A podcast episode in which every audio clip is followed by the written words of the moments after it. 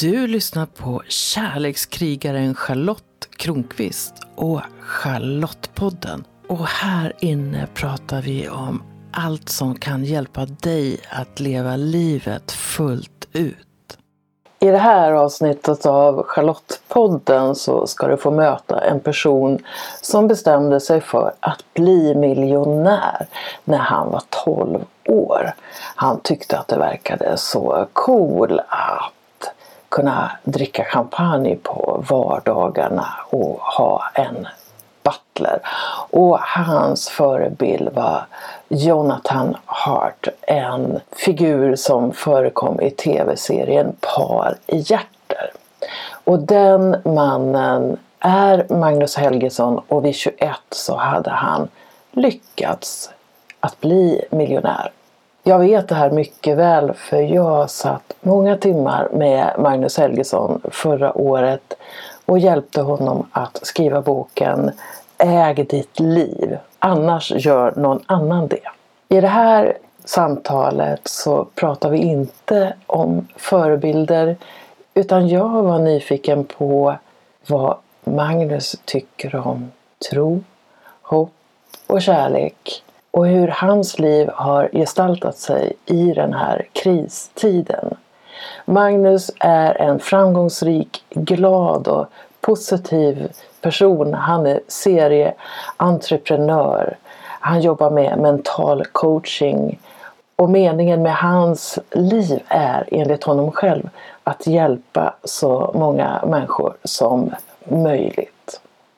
Och en av de saker som Magnus säger och som du kan reflektera över när du lyssnar på honom är Älska mig som mest när jag förtjänar det som minst. Och det är någonting som du kan säga till dig själv. Älska dig som mest när du förtjänar det som minst. Så varsågod och möta en Magnus Helgesson mer upptagen än någonsin nu i de här tiderna. Framför mig på skärmen så ser jag Magnus Helgesson som jag spenderade mycket tid med förra året, 2019. För jag hjälpte honom med boken Äg ditt liv. Och Magnus är en av Sveriges främsta föreläsare och det han hjälper människor med är mental coaching. Och till grund för det är att han har jobbat som entreprenör sedan han var 12 år. Och nu, första januari, som den första 70-talisten i Sverige, så blev han 50 år. Välkommen Magnus! Wow, vilken introduktion. Jag känner mig jättevälkommen. Jag tänkte när du sa det här med mental coaching. Att 2019 fick jag ju väldigt mycket mental coaching av dig. När du hjälpte mig att få fram boken och du sa, vad menar du här? Jag menar så här och så här. Varför skriver du inte det då? du vet Magnus att eh, du är ju helt otrolig på talade ord. Men att få ner dem i skrift är inte alltid världens enklaste. Nej, det är det verkligen inte. Och, och jag blandar och ger lite grann sådär. Och, och, och jag menar, det, mina, mina svenska prov som jag fick tillbaka när jag gick i skolan, det var väldigt mycket rött på dem. Med all, jag, vad är MBF? Det är meningsbyggnadsfel. Det, det, det har jag lärt mig i skolan. MBF betyder meningsbyggnadsfel. Och då kan jag säga att jag var sån där som kunde skriva med bläckpenna i skolan för jag stavade alltid rätt. Det förstår jag. Så vårt gemensamma projekt är Äg ditt liv, annars gör någon annan det. Och nu har den funnits i världen i några månader. Och vad betyder den här boken för dig? Och det betyder otroligt mycket för mig. Den, den boken, eh, när jag skrev min första bok så, så skedde det på ett flygplan hemifrån Fiji. Det gick blixtsnabbt. Min andra bok den var helt, det var så enkelt. Det var liksom intervjuer med framgångsrika människor. Men tredje boken, den här, den, den har, liksom, den har tagit över sju år att skriva. Och, och ändå liksom hade jag inte fått ihop det själv om inte jag hade fått hjälpa dig. Så, så liksom, det betyder otroligt mycket för mig att, att få ihop eh, möjligheten att få ihop ett program som kan hjälpa många människor. Och Vad tror du är den viktigaste förklaringen till att du kan säga att du äger ditt liv idag? Jag tror det hänger ihop väldigt mycket med liksom att förståelsen ifrån att vad, vad är det jag vill åstadkomma och när jag sätter upp rationella mål och når de här rationella målen och det händer faktiskt även idag så kan jag nå rationella mål och ändå inte känna glädje. Och då får jag gå tillbaka och säga varför känner jag inte glädje för detta? Liksom, om jag såg fram emot, ett löjligt exempel i dessa tider, liksom, jag såg fram emot att köpa en klocka. Eh, och den där klockan, den, ja, den köpte jag. Men så kände jag liksom, nej, känner ingen alls liksom när jag tittar på klockan, någon glädje eller någonting. Eh, som kanske många hade gjort och jag nästan skäms över det beteendet. Men det att ha det materiella värdet, det betyder ingenting för mig. Och, och det är klart, när jag backar hem då och tittar varför det inte betyder någonting, det tillgodoser ju faktiskt inte mina behov. Så det, det, är väldigt intressant när jag gör saker och ting idag så frågar jag mig själv innan och jag, jag tolkar tankar väldigt snabbt eh, och har lärt mig göra det. Vad, vad, betyder det här för mig? Varför är det viktigt? Varför är det en möjlighet? Och hur tillgodoser det här mina behov? Och det har du blivit en mästare på och du har också hunnit med att gå på en del nitar och sådär i livet som ju händer när man, som du är också villig att ta risker. Men jag skulle vilja testa och se om vi kan prata om, tre, börja med tre ord. Och du kommer få märka efterhand vilka de är. Eh, och häromdagen, om det var till och med igår, på Instagram så skrev du ordet tro. Tro, det är klart att allting börjar med tro. Där, bör, där börjar precis alla processer. Liksom, tror jag på detta? Och allting som finns på den här jorden som inte fanns här innan vi kom hit är ju skapat av människan. Och, och allting är ju skapat först i tanken och sen eh, färdigställt liksom genom att vi gör ett genomförande.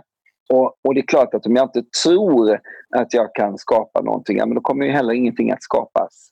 Det är en aspekt av tro. Och så tänker jag, eh, ser du tro också som någonting som kan vara större, som kan ha, låt oss säga, en andlig dimension? Ja, men det är alldeles självklart. Så att det, det, I min värld så är det helt omöjligt och det egentligen är det enda som jag ser omöjligt att det här universum skulle kunna skapats bara av att ingenting, att någonting bara smäller till. Det måste ju finnas någon större mening bakom detta och det måste ju finnas någon som, som är med oss på den här resan. Och jag tycker det visar sig och, och, i det där ordspråket som jag skrev, det var egentligen att om inte du tror på magi så kommer du aldrig se den. Och, och, det, och så är det ju. Va? Det, det, det, är ungefär som de här som säger att jag gick på en sån där jäkla utbildning i positivt tänkande och den var precis lika dålig som jag hade tänkt du, du måste ju tro på någonting. Annars så blir det... Och, och där har vi ju liksom, när vi säger så här, varför mår vi så dåligt när vi har det så bra? Om vi tar i vårt lilla land. Ja, men vi saknar ju väldigt mycket tro. Vi tror ju inte på någonting. Så, så att eh, för, för mig så, så, så självklart att det finns någonting som är större än oss själva. För mig är det på ett liknande sätt. Och det blir också så att mitt liv känns mer och mer magiskt. Jag upptäcker magin i, i tillvaron och det kan vara i små, små saker. Mm. Som till exempel igår så tänkte jag på min dotter och jag skulle precis ringa till henne. Precis då ringde hon. Ja, det är det. Och så säger de att telepati inte funkar. Det är klart det funkar. Det där händer ju oftare och oftare tycker jag. Kan du ta något exempel på magin i din tillvaro, Magnus? det är så här, utifrån intuition liksom, som du pratar om. Det här som, som när, när, när kroppen skapas och sådär. Man får inte lära sig i skolan att eh, första organet som skapas i kroppen är hjärtat. Och sedan så, så sker det där liksom när man skapar magsäcken och magsäcken innehåller ju då likadana celler som vi har i vår hjärna och långt efter skapas hjärnan. Och då brukar man säga att man tror på den här magkänslan när man träffar olika människor. Hur känns det i magen? Så de där, de där exemplen, de är dagliga. Det där som du nämner med, jag tänkte min dotter så ringde hon. Det där, det sker hela tiden tycker jag. Hela, hela tiden. Så det, det ehm, för, för mig kallas det intuition och det är liksom det är den, den lilla hjärnan som hjälper oss på traven när vi liksom, och, och den är, det sker mycket, mycket snabbare än eh, det där när vi går ifrån hjärnan till hjärtat och, och, och tillbaka och tolkar situationer och tankar och sådär. Är det inte också så att ju mer eh, man tränar på det, desto lättare blir det att upptäcka? Jo, så är det. Det är klart om man känner efter och liksom när, vi, när vi pratar om de här olika delarna som, som vi också ja, pratade mycket om, du och jag, när vi skrev i boken. Det här med IQ, att det finns i, i, i våra hjärnor och EQ finns i hjärtat. Men LQ, det är den här intuitionen, det som liksom förflyttas från magsäcken snabbt upp till hjärnan och går runt i hela systemet. Och L står ju för learning. Så det är ju hur mycket jag tränar på olika saker. Det är precis samma om jag tränar på att göra djupmeditation och, och, och jag går djupare och djupare. Det är klart om jag sitter i tystnad i en vecka så är det skillnad än om jag sitter en kvart. Det är, det är inget snack om saken. Och så äh, tänkte jag så här, vi testar med ordet hopp. Hopp, vad, ja. Vad innebär det för dig? Tro, hopp och kärlek är det första som kommer upp. Alltså, om jag har en tro på någonting men jag saknar hopp inför det så liksom, det är ju någonting så här, men det är möjligt. Jag har hopp att det här det är liksom en knuff framåt i processen om jag har hopp om att jag kan bli. Så det startar med tro, går vidare in i hopp. Att ja, men, har jag hopp att jag kan bli en av världens bästa på någonting? Och då kommer ju nästa moment att då måste jag ju fråga mig själv vad behövs då för, för att gå ifrån tro, hopp fram till att förverkliga min dröm. Och det finns inte något givet svar på det, kanske? Det finns inget givet svar på det. Så vad hoppas du just nu? Ja, det, det har jag hoppats ganska länge och det börjar förverkligas lite grann. Eh, jag har en, en väldigt, ett väldigt stort hopp om att kunna hjälpa många människor. Det är många som... som vi, vi har lite systemfel som, som är bland annat när vi sätter våra barn stillasittande i skolan och så lär vi ut saker som var viktiga för 30-40 år sedan. Och, och där, där, känner jag liksom, jag, jag följde Rausling ganska noggrant liksom i hans när han börjar berätta om att men vänta lite, lärare står ut och lär ut saker och ting som de lärde sig för 30 år sedan som i sin tur lärare lärde dem eh, som hade kunskap. Så vi lär ut 60 år gammal kunskap och vi lever i 2020. Så att min, mitt hopp och tro är att kunna lära ut till många människor psykologin bakom att kunna äga sitt liv och eh, driva framgång. Eh, vad det nu innebär för sin familj och sina vänner och, och att, att man så långt det är möjligt kan leva ett hälsosamt liv och, och lära människor också vikten av, för det finns en otrolig konsumentmakt. Vi ser ju den konsumentmakten nu i allt ekologiskt som tas fram, allting som all raw food som tas fram, allting sådär. Eh, det fanns ju inte för 10-15 år sedan när, när jag sprang runt och letade och sa att jag skulle gärna vilja ha tag i sånt som inte har e-ämnen och jag, jag vill ha sånt som innehåller mycket fyrtornsnäringsämnen, antioxidanter och rena produkter. Då skrattade ju folk. Men idag om du säger att jag, är jag är vegan eller vegetarian eller vad jag nu väljer att, att gå in på. Det finns ju till och med smoothie-terrianer nu har jag hört. som bara dricker smoothie. Jag vet inte, det är ingenting för mig. Men förr skrattade man åt alla de här sakerna. Men ja, om man, om man går på Roslagsgatan i Stockholm och tittar in på Maholo så är det helt fullt alltid. Och där sitter människor och äter vegansk mat. Så, så liksom, ja. Hör jag också att du har någon slags framtidshopp? Jag har jättemycket framtidshopp. Eh, det bästa finns i framtiden och det kommer bara bli bättre och bättre. Många pratar om i-länder och u-länder och sådär. Men det håller faktiskt på att försvinna helt och hållet. Vi är på väg mot en mycket, mycket bättre värld med mycket, mycket... Om, jag, om du tittar i New Mexico till exempel, deras avloppsvatten har liksom att förorenat ja, de senaste hundra åren. Men nu bygger man kanaler under gatan som är liksom 100 meter ner som med egna reningsverk som filtrerar och grejer. Man har börjat runt om i hela världen att förstå vikten av rent vatten till att börja med. Det är ju en grundförutsättning för eh, mänskligheten.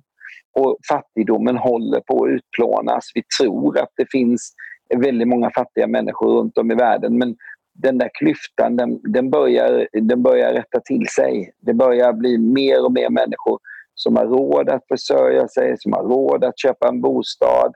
Eh, och det, det, finns goda hopp för framtiden. Jag har väldigt stora framtidshopp. Eh, Då kommer jag till det tredje ordet och det är ju kärlek såklart. Ja, just det.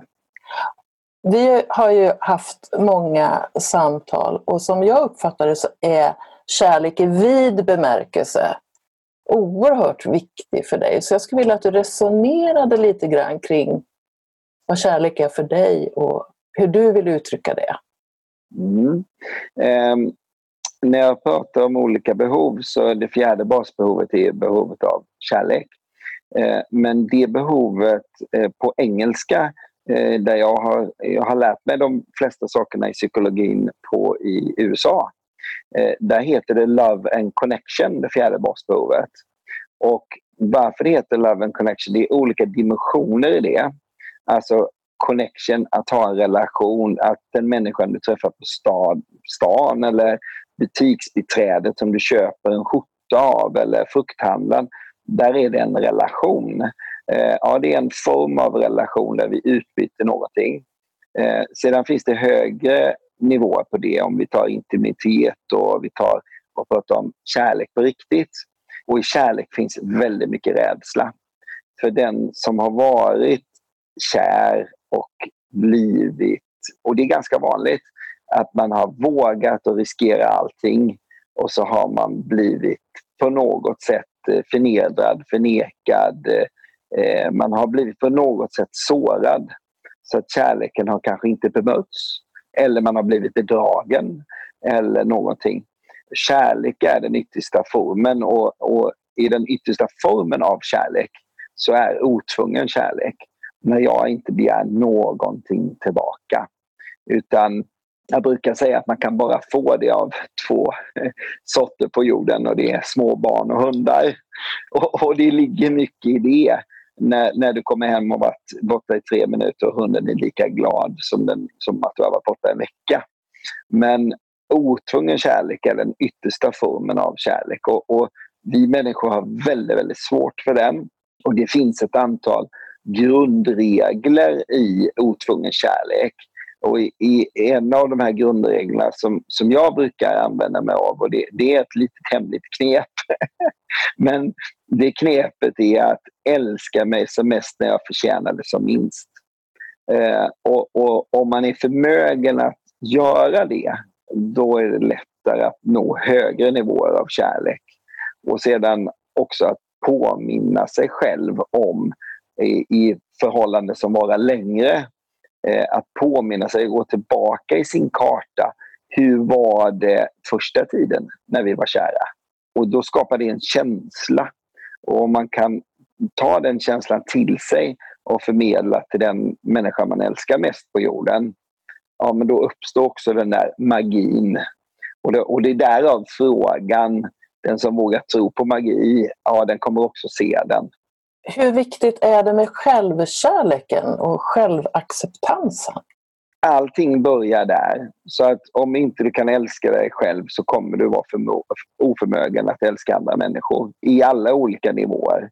Så att den, den börjar, både själv, kärleken till dig själv och självledarskapet, det börjar i dig själv för att kunna ta det vidare för att kunna föra kärlek vidare i, i nästa rum och för att kunna ta ledarskapet i uppfostran av dina barn, Eh, ledarskapet vidare i dina vänner för att bygga en positiv företagskultur, för att kunna vad du än ska göra så starta det där.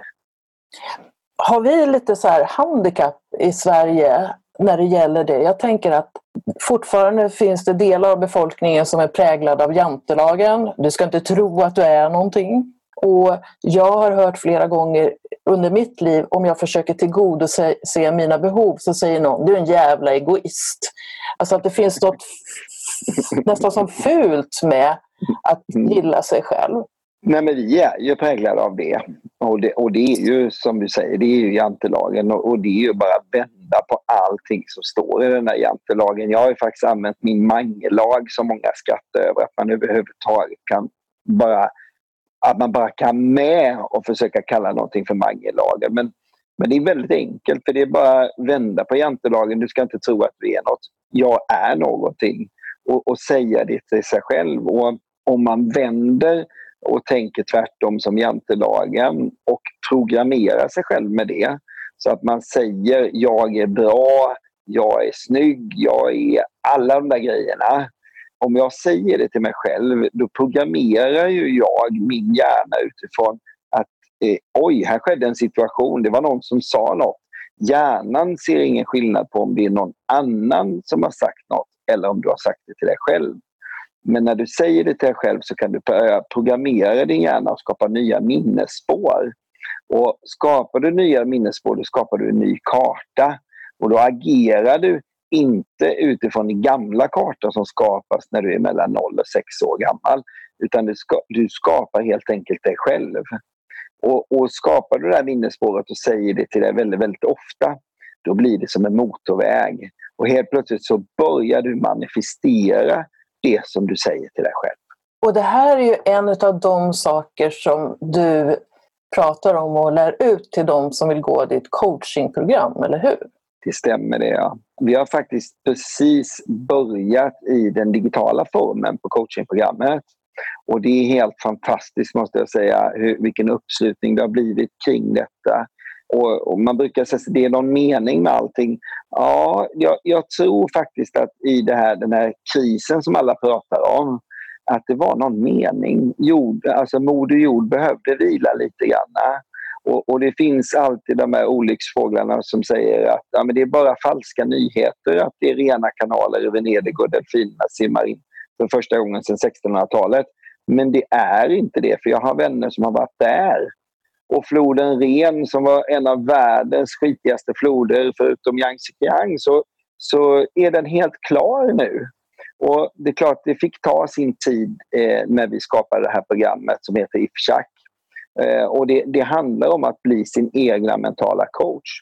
Och boken Äg ditt liv, annars gör någon annan, det är ju en dörröppnare till Ifchak. Och jag märker redan nu, nu är det ett antal som faktiskt har gått igenom precis det här 21 dagars programmet. Det är sju moduler med tre dagars mellanrum för att man ska klara av att absorbera upp alltihopa detta. Det är en ganska stor process att göra en nulägeskartläggning på sig själv. Att svara på alla frågor utifrån när man föddes fram till där man är idag. Och konstatera att ja, men vänta lite, jag är faktiskt en produkt av mina agerande utifrån mina beslut. Vissa beslut jag har tagit har tagit mig framåt och vissa beslut jag har tagit har tagit mig åt andra hållet. Och antingen så går man till något eller så går man ifrån något. Och om jag vill gå till någonting och lär mig hur jag gör det, ja, men då kommer sannolikheten att öka till att jag når det målet. Jag började med den här modellen. Det är sju år sedan jag gjorde den i analog form för första gången. Och då gjorde jag den seriöst och på riktigt. Och detta är en uppdaterad variant. Det är ju 3.0. Det är ju, det är ju liksom helt digitalt där man gör sitt eget program, man går igenom hela sitt liv. Man ser över vad är det jag vill, varför vill jag dit, vad är det som stoppar mig, vilka resurser finns, vem kan hjälpa mig? Och så har jag en helt egen plan för mitt liv och min framtid när jag är färdig. Wow, hoppas många verkligen gör det då som, som eh, tar del av det. det. Det har varit väldigt intressant senaste veckan faktiskt för att eh, vi, vi öppnade min nya hemsida i veckan och det har varit väldigt intressant att se vilka som nu, nu har vi ju GDPR så vi kommer aldrig avslöja vilka som går programmet. Men jag är väldigt imponerad av den nivån på människor. Eh, jag, jag tänkte att det skulle vara så här, om det kanske är sådana som är väldigt, väldigt deppiga som går det här programmet. Men det har ju inte varit så. Utan det har varit personer, många personer som jag har sett som framgångsrika redan.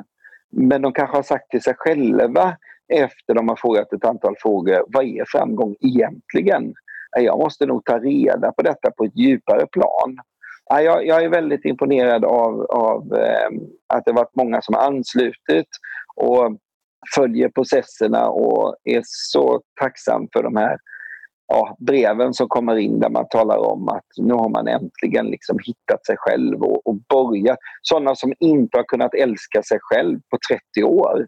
Som skriver att du, jag körde igenom, jag, eh, sådana som smsar mig, jag vet inte var de får numret ifrån. Men de skriver jag är på 16 dagen och jag är så lycklig, jag har inte varit lycklig på 20 år. Det värmer i hjärtat.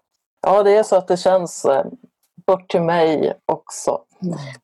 Jag tänkte på det här som du sa för en stund sedan om att det finns ögonblick där man kan känna sig som en liten skit, kan känna sig misslyckad och så, men att då kunna ändå älska sig själv trots att man är, ja, använd vilken metafor du vill, på botten eller hur man nu vill säga det. Mm, mm, mm.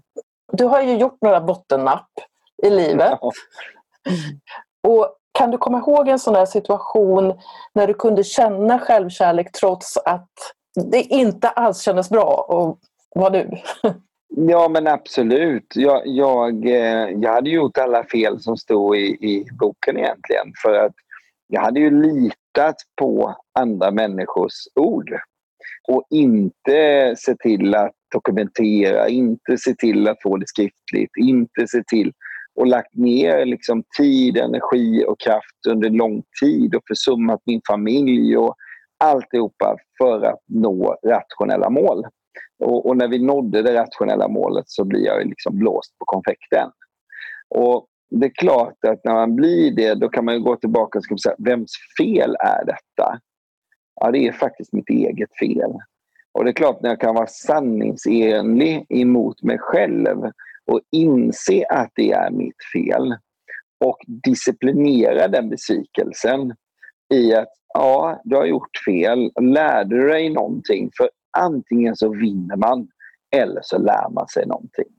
Det där är en av dina käpphästar, eller hur? Ja, den är jätteviktig. För att det, det, det är så, precis som, som jag sa till mina brorsöner igår när vi, vi spelade, jag och min son Melvin, vi spelade paddel mot min brors båda söner. Och vi piskade skiten ur dem. Och de var så sura och de var så arga.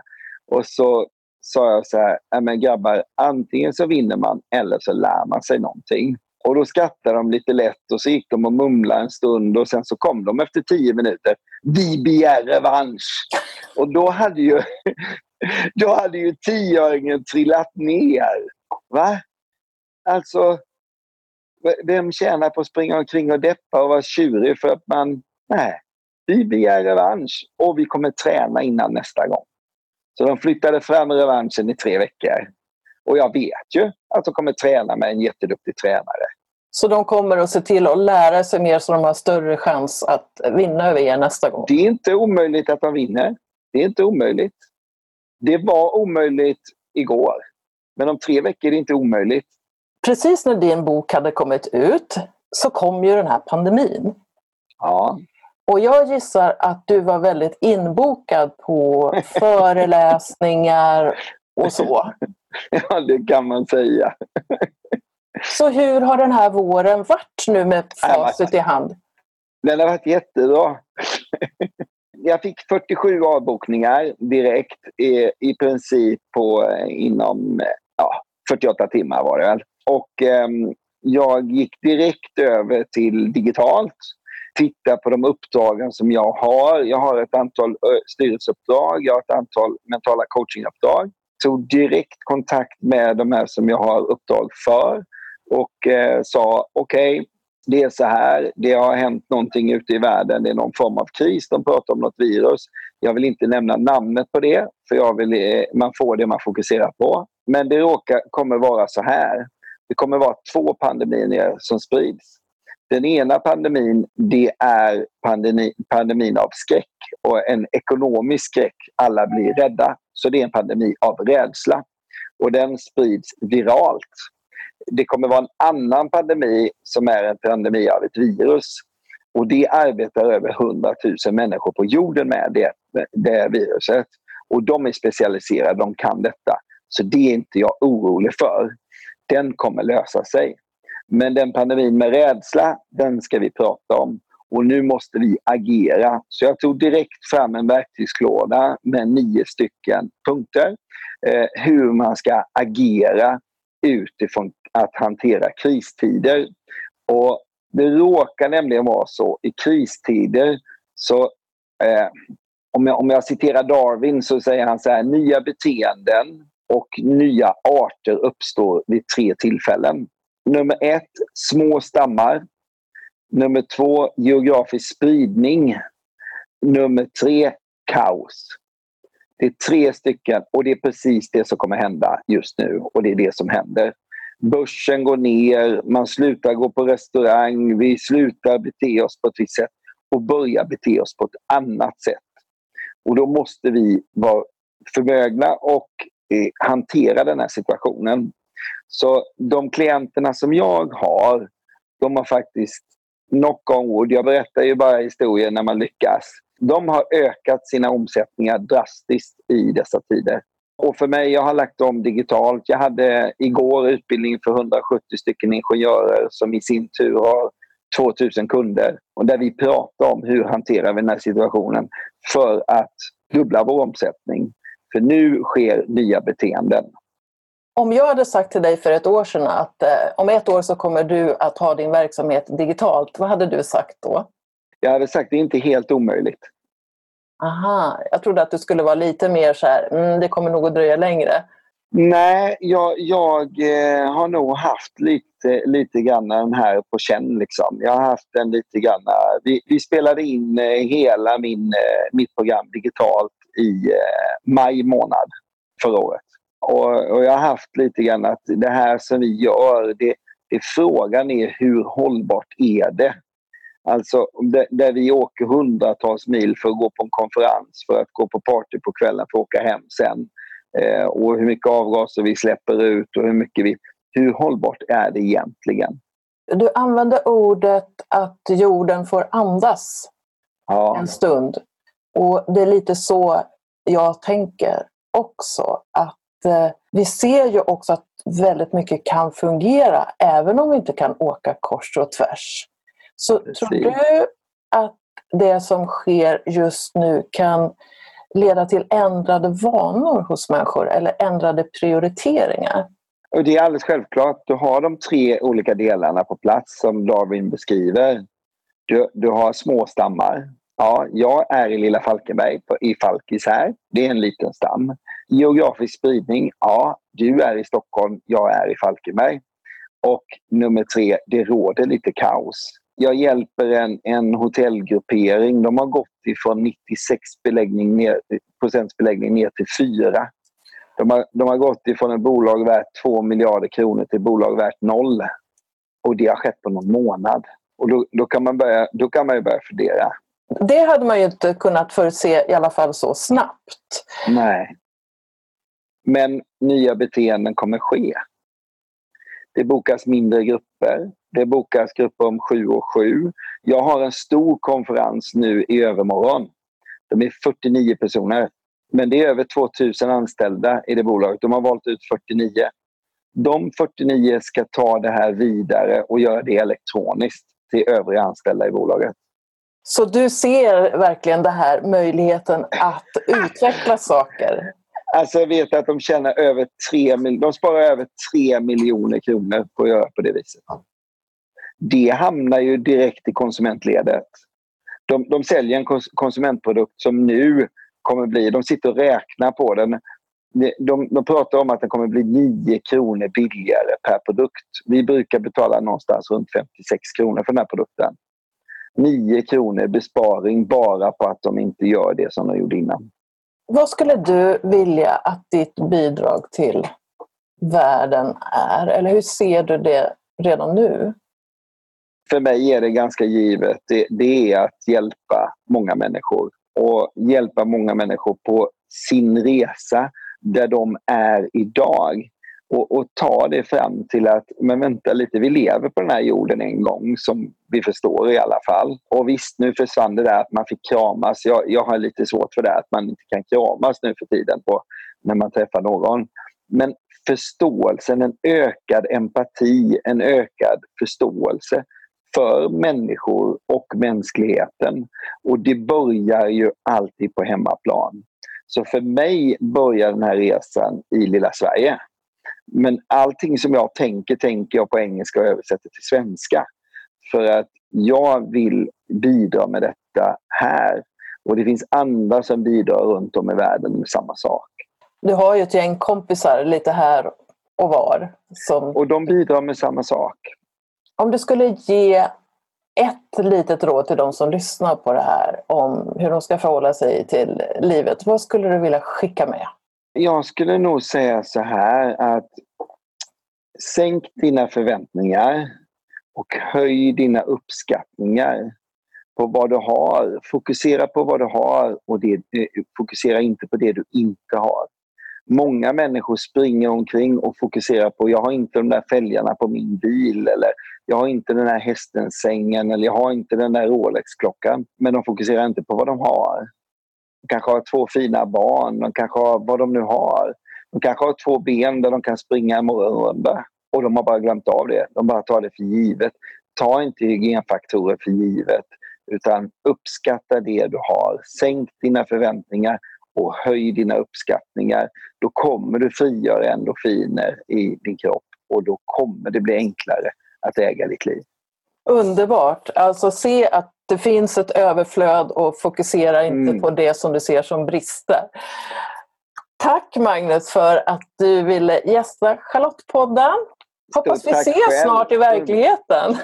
Ja, men det kommer vi väl göra. Det hoppas jag verkligen. Och det var härligt att sända ifrån sängen här. Jag ska skicka med en liten, liten view ifrån sovrummet. Är du beredd?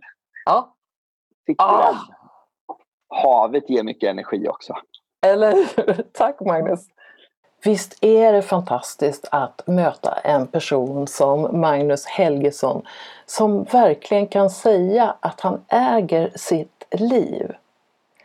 Och jag har ju haft förmånen att umgås med honom, lyssna på honom, skriva hans ord. Det som till slut blev boken Äg ditt liv. Och den resan tillsammans med Magnus har gett mig många nya insikter. Och för att jag verkligen skulle förstå Magnus värld och hur man i praktiken kan göra för att äga sitt liv så fick jag under arbetet med boken förmånen att gå igenom hans coachprogram IFSHAK och det har lärt mig väldigt mycket. Och jag skulle säga att jag idag också är en person som äger mitt liv. Men du kanske också vill vara det. Så jag snackade med Magnus och frågade de som lyssnar på Charlottepodden, kan inte de på något sätt få en rabatt på ditt coachprogram? Och Magnus, som den generösa själ han är, sa Självklart så ska dina lyssnare få en rabatt på coachprogrammet Bli din egen mentala coach. Men jag tycker att de ska få någonting som är alldeles gratis också. Och då fick jag reda på att Magnus Helgesson har gjort en sammanfattning av boken Äg ditt liv, annars gör någon annan det.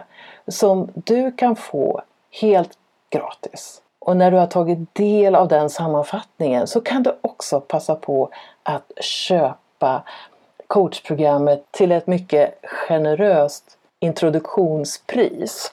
Så nu har Magnus Helgesson lagt upp en länk som bara är för dig som lyssnar på min podd. Och det enda du behöver göra är att gå in på magnushelgesson.com slash Charlottepodden. Då kommer du till en sida där du laddar ner en sammanfattning av boken Äg ditt liv och sen så, så får du en väldigt generös rabatt på Magnus digitala coachingprogram Bli din egen mentala coach. Det som han brukar kalla för IFShack.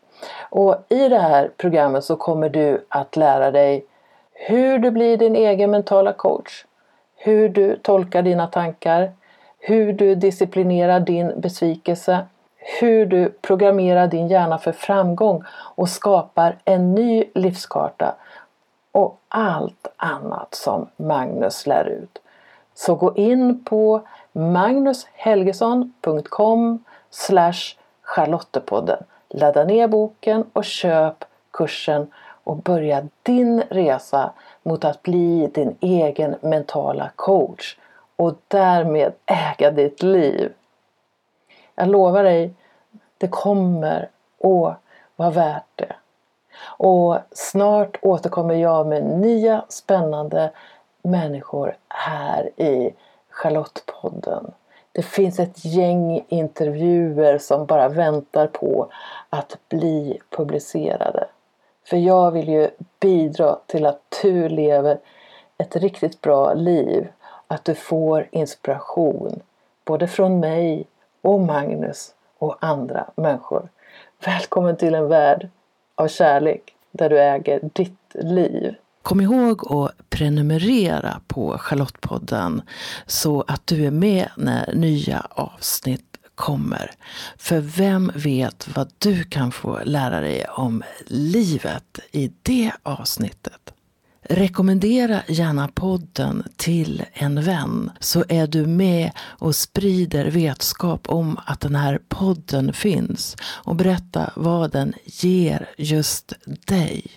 Jag skulle bli så glad om du också går in i din podcast-app och lämnar en kommentar eller skriver en recension av podden. Ju fler som gillar podden öppet, desto fler kommer också att hitta den.